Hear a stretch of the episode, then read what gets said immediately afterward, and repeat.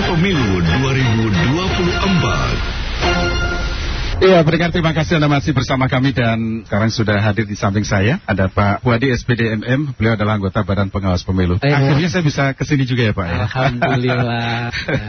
saya lebih akan uh, mengulas apa sih upaya yang dilakukan oleh Badan Pengawas Pemilu. Ini berkaitan dengan fungsi pengawasan pelaksanaan pemilu 2024. Mulai dari mana pengawasan yang dilakukan Pak Wadi? Silakan Pak Wadi. Baik, terima kasih Mas kaitannya dengan pengawasan tahapan penyelenggaraan Ya. ya.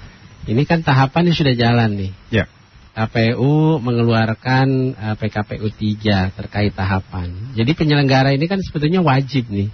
Enggak ansi harus eh, KPU saja yang eh, megang tahapannya gitu Ya, kan. ya. Nah, penyelenggara eh, pengawas pemilu pun mesti punya pegangan. Betul. Karena yang disebut penyelenggara pemilu itu kan tidak hanya KPU saja. Hmm. Ada KPU, ada Bawaslu, kemudian juga ada DKPP, Dewan Kehormatan Penyelenggara Pemilu. Nah, kaitannya dengan tahapan, ini kan kemarin sudah berjalan nih tahapan pendaftaran partai politik ya, untuk menjadi peserta pemilu. Luar biasa ini mas, tahapan ini panjang ya Betul betul. mulai dari tahapan pendaftaran ya tahapan pendaftaran ini setelah itu dilanjutkan ke verifikasi administrasi ya dari verifikasi administrasi ada verifikasi administrasi perbaikan kemudian faktual sampai ke penetapan partai politik menjadi peserta pemilu nah karena memang saya juga kebetulan di eh, menjadi duta ya di eh, apa eh, DKPP perwakilan dari Bawaslu ini juga terkait eh, masalah tahapan penyelenggaraan ini ternyata juga banyak juga ini laporan-laporan terkait adanya eh, karena ini potensi ini. Ya. Apakah pelanggaran potensi pelanggaran? Apakah itu potensinya masuk di ruang potensi pelanggaran administrasi kemudian ke etik ya, Ya. kemudian ke potensi eh, pidana ya? Ini tidak tidak menutup kemungkinan. Sehingga eh, masyarakat ini kan eh, sudah terbuka. Eranya ini udah transparansi. Ketika tahapan itu sudah berjalan ya terutama ini di tahapan pendaftaran kemarin partai Ya. politik menjadi peserta pemilu Nah itu eh, setelah di close ya oleh eh, KPU beberapa partai-partai yang eh, pada saat itu lolos atau tidak untuk masuk ke proses pendaftaran itu ada 18 eh, partai politik yang kemudian melaporkan melakukan upaya hukum ke Bawaslu. Jadi mekanismenya ini kan melalui dua pintu. Ya. Apakah masuk ke pintu Bawaslu. temuan ataukah masuk ke pintu laporan? Semuanya masuk ke bawah. Semuanya masuk ke eh, Bawaslu ya. Ya.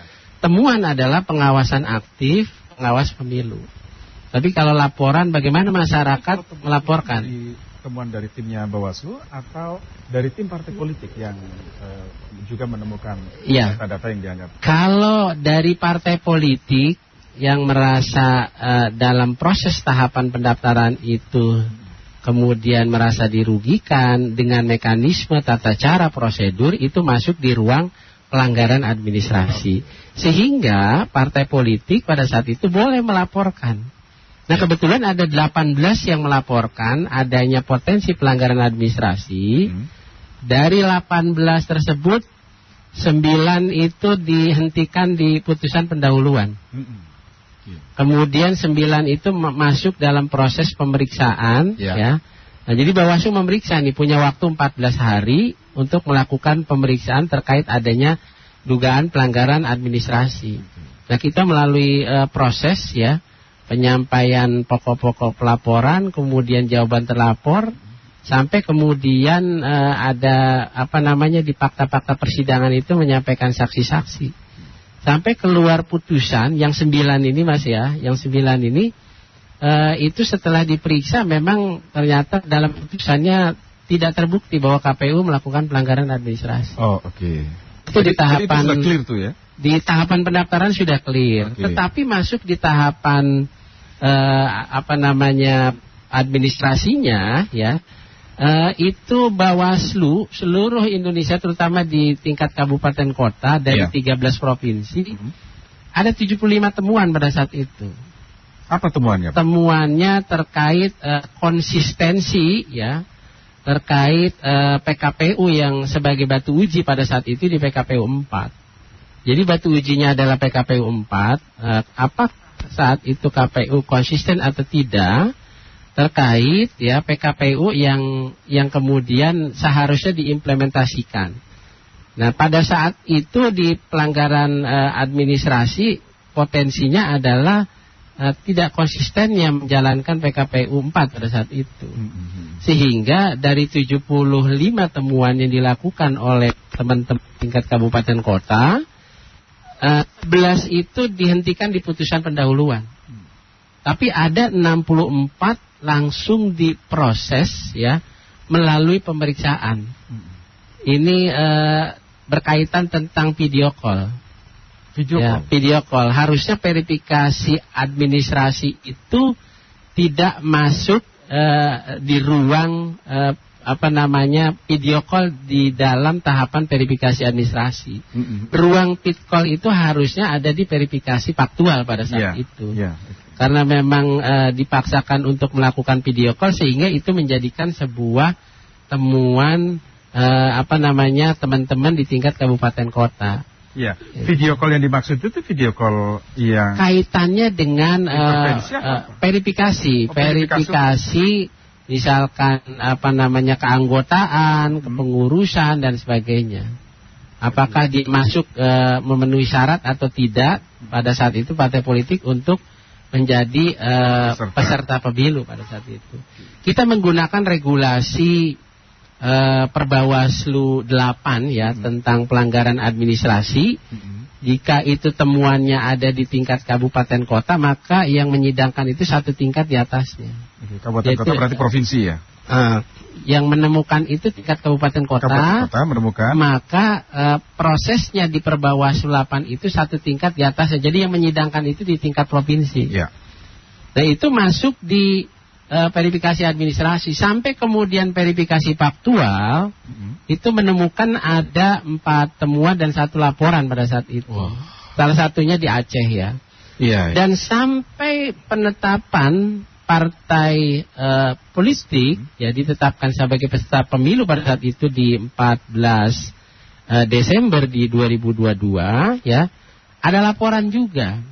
Ada laporan eh, masyarakat dari koalisi masyarakat sipil pada saat itu melaporkan kepada eh, apa namanya melaporkan KPU yang eh, kemudian melaporkannya ke Bawaslu Provinsi Sulawesi Selatan.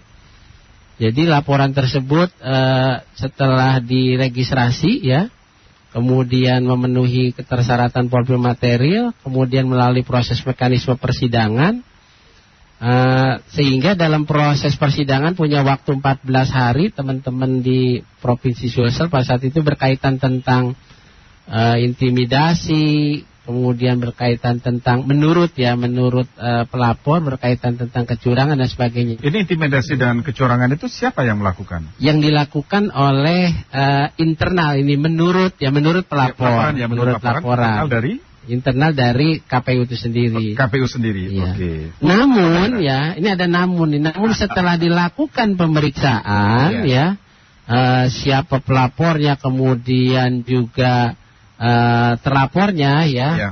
Mungkin kalau di eh, di pelanggaran legislasi kita mengenai istilah pemohon dan termohon Ya. siapa pemohonnya, kemudian siapa uh, termohonnya dilakukan pemeriksaan dengan waktu 14 hari oleh rekan-rekan uh, kita di Bawaslu Provinsi Sulawesi Selatan, itu putusannya itu tidak terbukti bahwa adanya satu Ada intimidasi. uh, intimidasi nggak da- ada dan ya. kecurangan menurut ya menurut uh, apa namanya laporan yang dilaporkan uh, kepada Provinsi Sulawesi Selatan dalam pemeriksaannya dalam putusannya Ya. keluar itu tidak terbukti ya. Oke, baik. Pak Puadi, saya saya membayangkan bahwa proses ini ternyata sangat panjang sekali dan berjenjang ya. Tahapan pemilu sudah sudah mulai berjalan, pendaftaran partai politik, verifikasi faktor dan lain sebagainya yang ditemukan dugaan banyak pelanggaran. Nah, saya membayangkan akan semakin rumit dan semakin berat kerja Bawaslu dan jajaran tentunya ya, pusat dan daerah.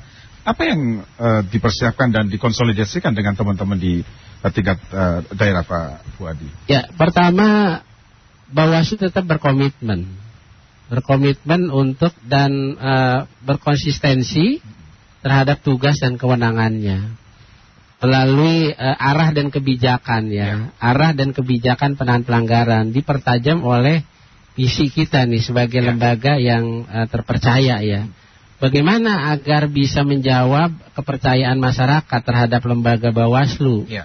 yang tetap konsisten akan menjalankan tugas dan kewenangannya Ya. Nah, peningkatan-peningkatan ini perlu adanya satu apa yang disebut peningkatan kualitas.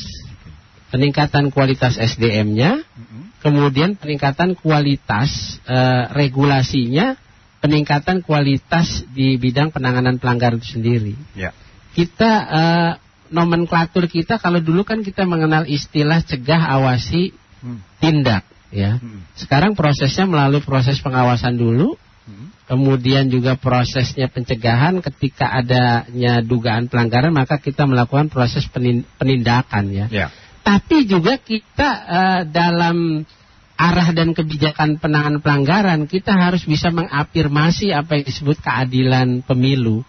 Artinya bahwa kita tidak hanya mempanis ya, mempunitif ya, bahwa uh, setiap yang dilakukan itu harus diarahkan kepada hal-hal yang uh, kepada uh, apa namanya uh, support dalam arti menekan agar mereka itu harus dihukum misalkan. Ya.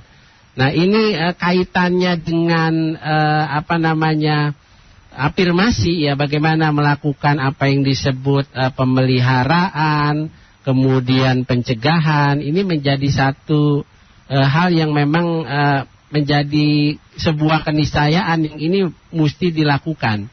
Dalam arti memang pencegahan itu harus dilakukan sehingga pertama yang dipertajam selain peningkatan kualitas SDM-nya, eh, penanganan pelanggarannya, kemudian juga regulasinya, maka kita harus bisa mensosialisasikan kepada masyarakat. Hmm. Apalagi sekarang ini eh, laporan itu juga sudah tidak serba manual sekarang ini harus sudah terdigitalisasi gitu. Oh, okay. Di Bawaslu sekarang kita udah launching loh e, kaitannya dengan sigap lapor sigap ini. Sigap lapor itu. Sigap Jadi lapor. Uh, foto, video, kirim, upload begitu ya?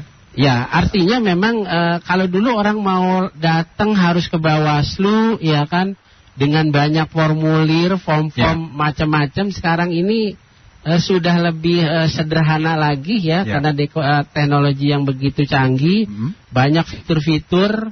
Apalagi saya tidak hanya di PP nih, uh, saya di data dan informasi juga. -hmm. -hmm. Jadi kita ini semacam kayak di Grab ada super app ya. -hmm. Jadi dalam satu uh, handphone itu ada beberapa genggaman yang di dalamnya itu banyak fitur-fitur.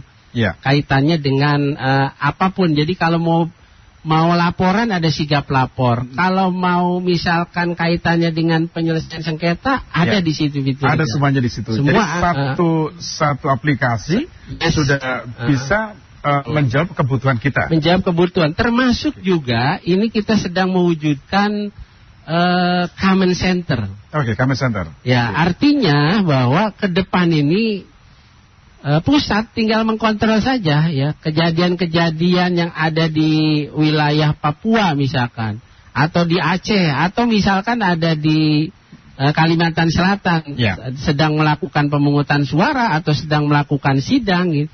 Ini mudah untuk mendeteksi. Ya. Nah, okay. untuk itu ya peningkatan-peningkatan uh, kualitas penanganan pelanggaran terutama kita melakukan uh, koordinasi ya. Hmm yeah. dengan uh, teman-teman kepolisian dan kejaksaan yeah.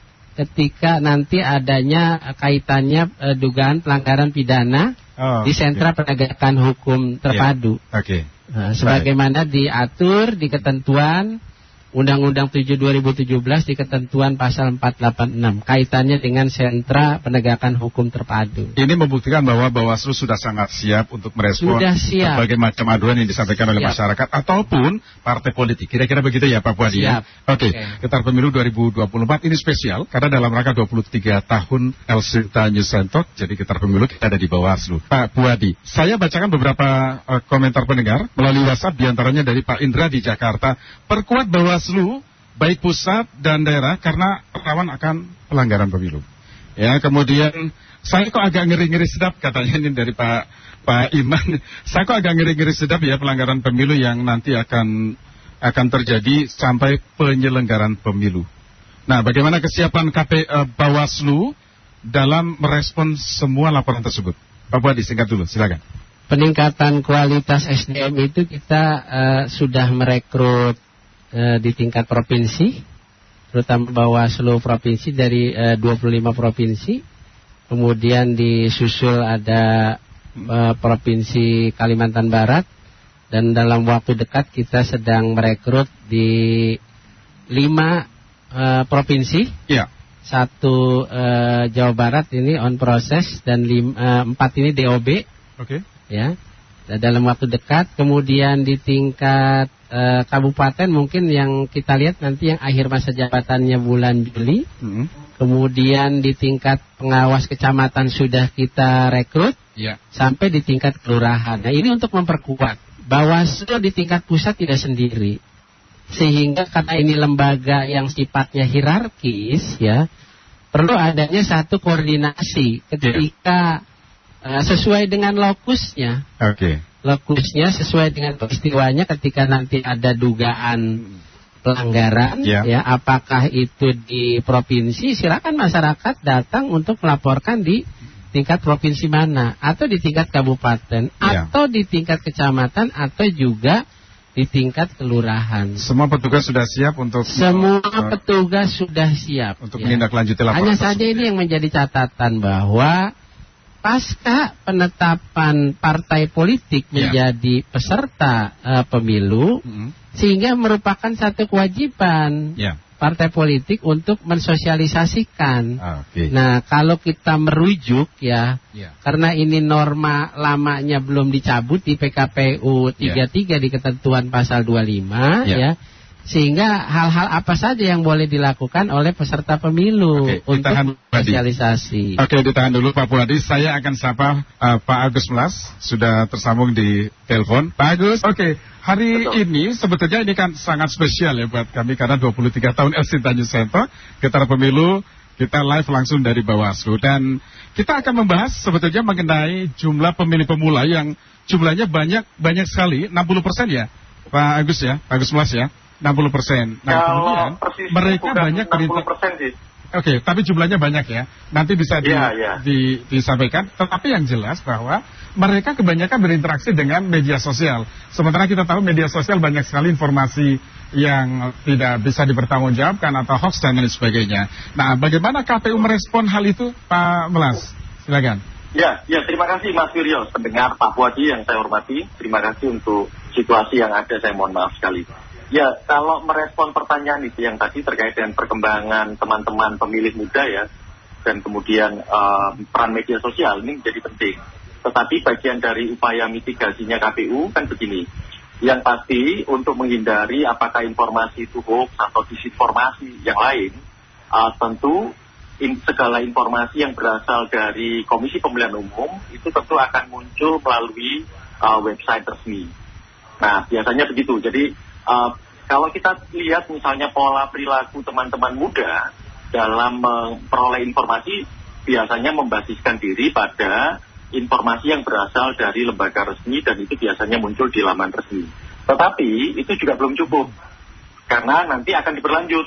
Selain informasi tersebut keluar dari lembaga resmi melalui laman resminya, biasanya juga yang akan dijadikan perhatian oleh mereka apakah informasi yang berasal dari lembaga resmi tersebut juga muncul nantinya uh, di media mainstream. Nah itu uh, filter yang berikutnya.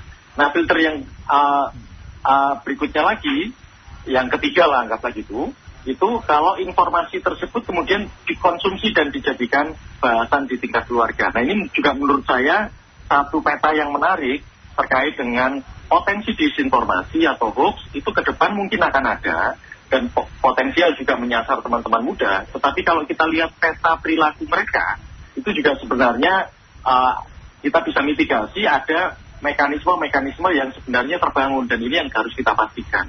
Ya tentu nanti urusan di pengawasannya segala macam tentu mau tidak mau intensitas uh, komunikasi dan koordinasi antara kami KPU dengan DKPP uh, dengan Bawaslu terutama uh, karena nanti kan ada gugus tugas, termasuk nanti melibatkan Dewan Pers, kemudian Komisi Penyiaran, segala macam itu menjadi hal yang penting, termasuk dengan uh, Kementerian Informasi. Begitu, Mas Yuryo. Oke, baik. Kita langsung sapa pendengar karena sudah menunggu Pak Agus ya dan Pak Buadi ada Pak Daslan di Surabaya. Pak Daslan, selamat sore. Selamat sore dengan Pak Daslan Cukup pelawak Sri Mulat Surabaya. Selamat sore Oh, iya, Pak selamat sore, Pak selamat sore Iya. Pak Puadi. Ya, selamat sore. Ya. Saya bangga sore. Indonesia punya Pak Puadi. Doa saya semoga Pak Puadi besok jadi duta perdamaian dunia Pak. Karena Amin. apa? Amin. Indonesia ini kan mengutamakan musyawarah untuk mufakat, Pak. Nah, katanya Pak Erick Thohir, stop perdebatan. Nah, bagaimana caranya nanti Indonesia ini dengan adanya pemilu ini, Pak, bisa Pak Fuadi bisa menurunkan tensi politik di Indonesia. Agar supaya Indonesia ini damai dan aman, Pak Fuadi. Karena begini loh, Pak Oke. Fuadi. Menurut sejarahnya, Indonesia ini diadu domba dengan bangsanya sendiri itu kan mulai zamannya Raden Pata, Pak Buwadi. Jadi sudah mendarah daging. Makanya doa saya agar supaya Iya. Pak Buwadi sebagai pengawas pemilu ini bisa membawa damainya Indonesia, amannya Indonesia. Terima kasih Amin. Pak. Amin. Semoga Terima kasih Pak Kasih. Pak Daslan cukup. Ini pelawak Sri Mulat di Surabaya. Oh iya, makasih. Oke, saya langsung beri kesempatan Pak Buadi untuk menjawab pertanyaan dari Pak Daslan cukup di Surabaya ya. Bagaimana pemilu nanti melahirkan eh, tidak ada perpecahan, kira-kira begitu ya. Tidak ada perpecahan. Kemudian ini pertanyaan dari Bu Lina nanti sekaligus ditanggapi. Bagaimana dengan eh, anggota DPR, DPD, DPRD katakanlah yang menggunakan uang untuk kepentingan money politik. Bagaimana Bawaslu menindaklanjutinya? Ini Bu Lina ya. Langsung ditanggapi Pak Buadi, silakan. Ya, yang pertama Pak Daslan bahwa dalam eh, pemilu ini juga membutuhkan eh, keterlibatan stakeholder. Ya. Bahwa penyelenggara pemilu Bawaslu tidak sendiri. Ada Bawaslu, ada KPU dan ada Dewan Kehormatan Penyelenggara Pemilu. Ya. Tentunya dalam menjalankan tugas dan kewenangannya itu harus sesuai dengan prinsip-prinsip penyelenggaraan. Nah, prinsip-prinsip penyelenggaraan itu tidak hanya dimanai oleh teman-teman eh, penyelenggara pemilu ANSI. Jadi seluruh stakeholder ini juga bagian yang tidak dipisahkan. Ya. Nah, dengan adanya peran pemerintah terutama dalam meningkatkan eh, pengetahuan politik juga bagi masyarakat ini juga kita butuhkan. Nah, kita ini kan eh, apa ya? Negara yang eh, perlu membangun etika semacam nilai-nilai paternalistik ini perlu di- dibangun sehingga eh, sosialisasi yang eh, merupakan komitmen Bawaslu sampaikan kepada masyarakat ini juga harus bisa tersampaikan. Nah, terutama pada para peserta pemilu nih, para kontestan agar ini loh yang boleh dilakukan, ini loh yang tidak boleh dilakukan. Semua harus mengikuti aturan main ya, karena memang eh, penyelenggaraan pemilu 2024 nanti ini kan undang-undangnya tidak berubah, undang-undangnya tetap Undang-Undang 7 tahun 2017. Kemudian pemilihannya tetap konsisten di Undang-Undang 10 tahun 2016. Sehingga pelanggaran yang dilakukan itu tidak akan ke mana-mana. Untuk itu, Bawaslu tetap berkomitmen untuk melakukan proses apa yang disebut pencegahan. Nah, selain tadi apa namanya keterlibatan stakeholder yang yang tidak terkecuali pemerintah, terutama juga dari warga yang masyarakat terutama ikut ya, ikut berpartisipasi aktif. Ketika nanti adanya dugaan-dugaan pelanggaran, ya segera sampaikan laporan kepada masyarakat. Nah kaitannya dengan eh, tadi politik uang ya, eh, pertanyaan dari eh, Bu Lina. Pintu utama penanganan pelanggaran yang seperti saya sampaikan itu melalui pintu temuan dan laporan. Siapa pun ya untuk mengafirmasi keadilan pemilu, apakah dia sebagai peserta pemilu yang di dalamnya ada calon anggota DPR, DPD, DPRD se- eh, dan sebagainya ya. Apalagi ini di Undang-Undang 7 tahun 2017 ya, pasal tentang pidana itu ada 77. Kemudian juga subjek pidananya ya dari uh, di Undang-Undang 7 itu ada 26 itu 23-nya ini mengarah kepada penyelenggara terutama KPU. Ya. Tiga itu lebih uh, ke, uh, memfokuskan kepada pengawas pemilu. Nah untuk itu ini harus tersosialisasi. Ya. Jadi kita dalam rangka mengafirmasi keadilan pemilu siapa pun ya mucalek, anggota DPR, DPD, ya DPRD ya atau calon eh, pasangan calon presiden ketika ada dugaan pelanggaran pidana ya melalui pintu tadi itu apakah pintu temuan ataukah pintu laporan. Misalkan kita eh, adanya partisipasi masyarakat kalau misalkan di eh, di jalan di lapangan ternyata ada dugaan politik uang ya segera sampaikan laporan kepada Bawaslu sesuai dengan jenjangnya sesuai dengan lokusnya sesuai dengan wilayahnya di mana. Nah sehingga uh, pertanyaannya adalah apakah laporan diterima? Laporan akan diterima. Sehingga Bawaslu punya waktu dua hari untuk melakukan kajian awal. Apakah dalam kajian awal tersebut memenuhi ketersyaratan formil atau material ya. Nah, sehingga nanti uh, kita akan lihat ya dalam uh, prosesnya akan melihat peristiwa semacam jenis kelaminnya ini. Ya. Ini jenis kelaminnya ini nanti akan masuk di ruang apa nih? Ya. Kalau tadi misalkan di luar di di ruang pelanggaran uh, pidana kaitannya dengan politik uang itu nanti akan diproses. Okay. Kita di sentra penegakan hukum terpadu banyak kasus-kasus uh, yang merupakan sudah jurisprudensi ya. di beberapa wilayah ya sehingga siapa pun dalam rangka mengafirmasi keadilan pemilu siapa pun akan diproses ya. sepanjang memenuhi ketersyaratan formil dan material. Ya, baik. Terima kasih. Mudah-mudahan jawaban Pak Puadi bis, uh, cukup ya Bu Lina ya. Oke, saya lanjut ke uh, Pak Melas nih. Pak Melas masih bersama kami ya. Jadi uh, ya, sekarang kan tidak sedikit tidak ya. sedikit kaum muda yang mengkampanyekan golput atau memilih untuk tidak menggunakan hak pilih. Nah, bagaimana KPU meresponnya, Mas Melas?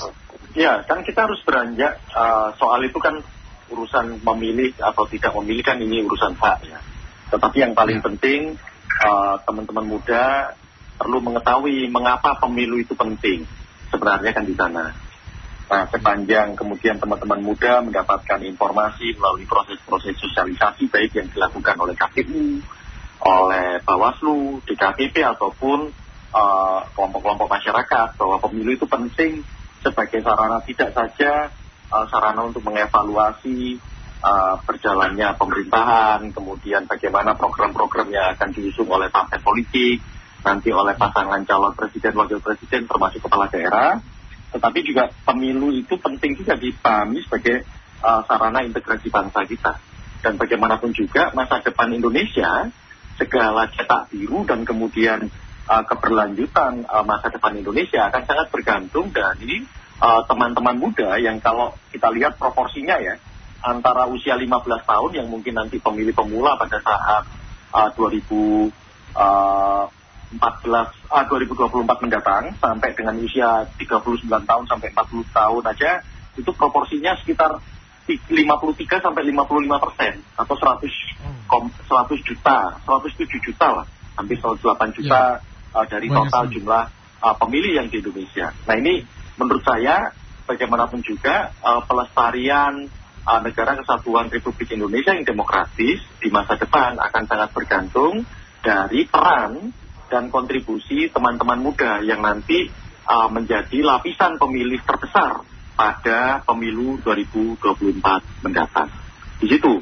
Nah, oleh karena itu kan yang paling penting apa makna dan substansi dari pemilu dia bisa memang dipahami mungkin uh, aspirasi yang diberikan uh, setiap lima tahun sekali, tetapi komitmen kita untuk ya. melaksanakan pemilu secara periodik, memimpin, memilih para pemimpin bangsa kita itu menjadi uh, penentu bagi keberlanjutan masa depan kita. Itu untuk saya penting. Di ya. Lalu apa strategi yang dilakukan oleh KPU Mas Pelas untuk uh, mengajak partisipasi pemilih uh, pemula khususnya ya karena eh, banyak sekali upaya-upaya yang barangkali juga akan mempengaruhi misalnya ajakan golput atau informasi hoax dan lain sebagainya yang berdampak pada niat mereka untuk mengikuti untuk partisipasi dalam uh, dalam pemilu nantinya justru uh, ini akan berdampak pada mereka enggan untuk menggunakan hak pilihnya, Mas Melas? Ya, sama seperti yang disampaikan oleh Pak Puadi tadi, bahwa KPU tentu tidak bisa bekerja sendiri. KPU memang uh, dalam perencanaan kerjanya tentu akan menyusun uh, program-program yang juga didedikasikan untuk bisa menjangkau dan diakses oleh teman-teman muda. Misalnya banyak uh, program-program nanti yang akan menyasar teman-teman muda, baik yang sifatnya kita misalnya apa seperti KPU Gus to School, KPU Gus to Campus, bahkan di banyak tempat, misalnya di satuan kerja kita di tingkat kabupaten kota, itu banyak sekali permintaan dari teman-teman uh, apa namanya kepala sekolah ya, guru-guru di sekolah menengah atas misalnya, itu untuk KPU daerah memfasilitasi uh, skema-skema tentang bagaimana sih tata cara pemilihan secara demokratis, misalnya untuk memilih uh, pemilu di tingkat sekolah misalnya, misalnya pemilihan OSIS segala macam itu muncul itu day to day sejak sejak uh, pemilu 2019 lalu sampai sekarang masih berlanjut.